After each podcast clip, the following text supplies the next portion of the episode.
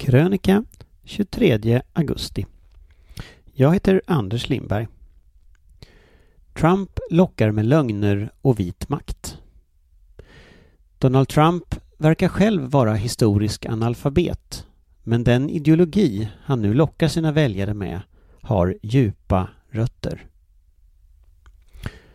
En av historiens mest lögnaktiga filmer är Guards and Generals av Ronald F. Maxwell från 2003. Filmen handlar om de första åren av det amerikanska inbördeskriget och vi får följa sydstatsgeneralen Thomas Stonewall Jackson. Maxwell är besatt av historiska detaljer, så uniformer, vapen och slag skildras med minutiös precision. Många repliker och händelser är direkt hämtade ur samtida källor som brev, tidningsartiklar och fältrapporter. Regissören har tagit hjälp av tusentals så kallade reenactors, privatpersoner vars hobby är att återskapa historiska slag i full skala. De äger ofta egna tidstypiska uniformer med vapen, ibland till och med artilleripjäser. Men Maxwells ärende är inte att berätta historien, utan att ändra den. I hans manus var sydstaterna hjältar. Inbördeskriget handlade inte om slaveri utan om den lille mannen som stod upp mot makten i Washington. Om folket mot den korrupta eliten.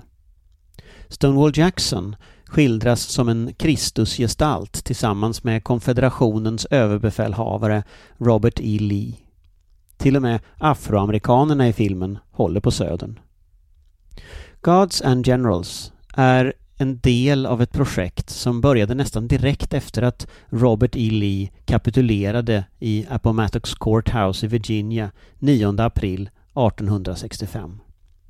Projektet kallas The Lost Cause, den förlorade saken, och inleddes redan under 1870-talet genom artiklar av den tidigare sydstatsgeneralen Jubal Early.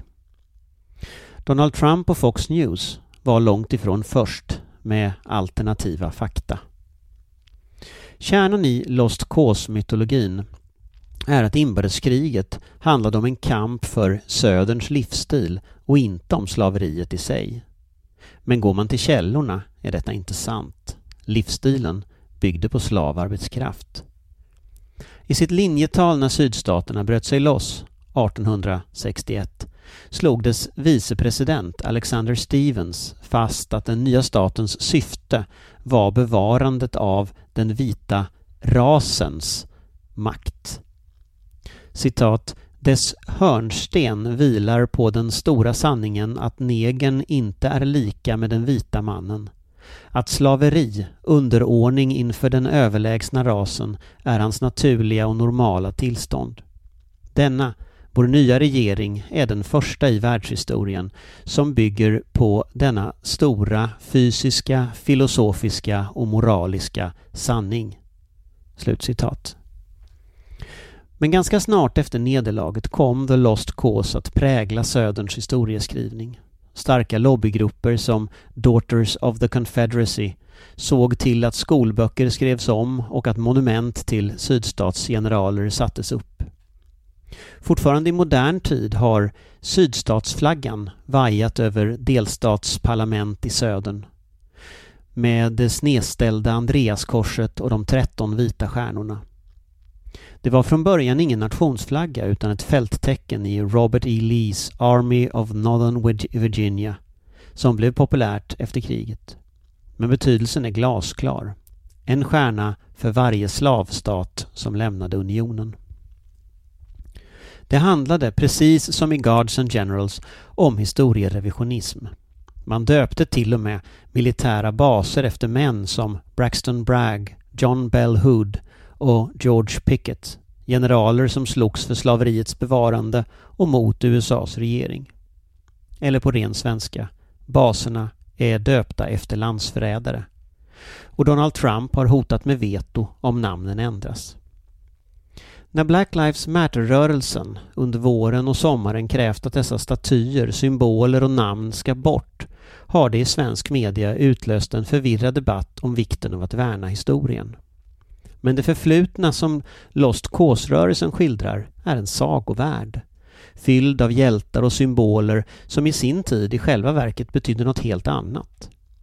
För Donald Trumps valrörelse har kampen mot Black Lives Matter blivit helt central. Han utmålar rörelsen som extremister. I Sverige är det väl egentligen bara Svenska Dagbladets ledarsida som nappat på retoriken. Citat, de kräver vitas underkastelse, skrev exempelvis ledarskribenten Ivar Arpi i somras. Citat, ja, svarta liv räknas. Det är ingen som hävdar motsatsen, fortsatte han. Men just det är problemet.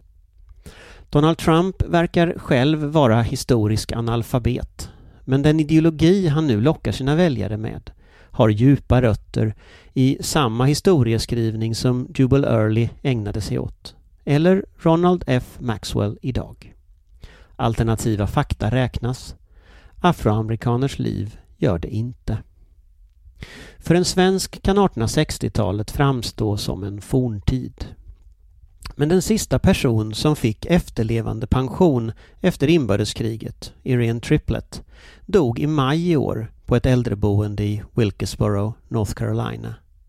Hon blev 90 år och var dotter till Moses Mose Triplett som slogs på båda sidor i kriget. Längre bort i tiden är det inte.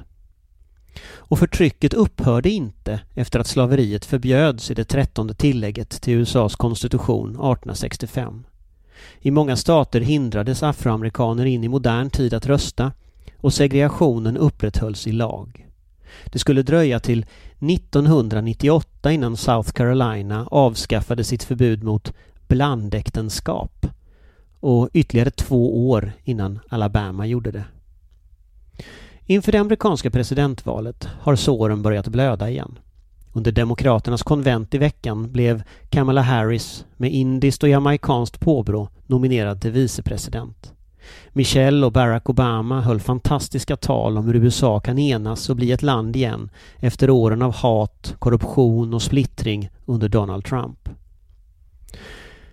På kvällen den 3 november 2008 stod jag på ett dammigt fält vid Manassas i Virginia, några mil väster om Washington DC och väntade på att höra Barack Obama tala.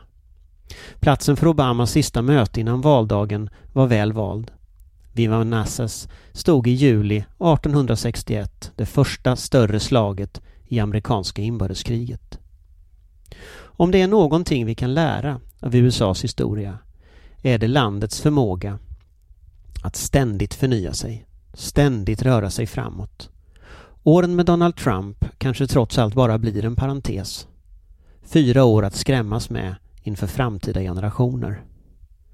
Det finns ett annat Amerika där ute.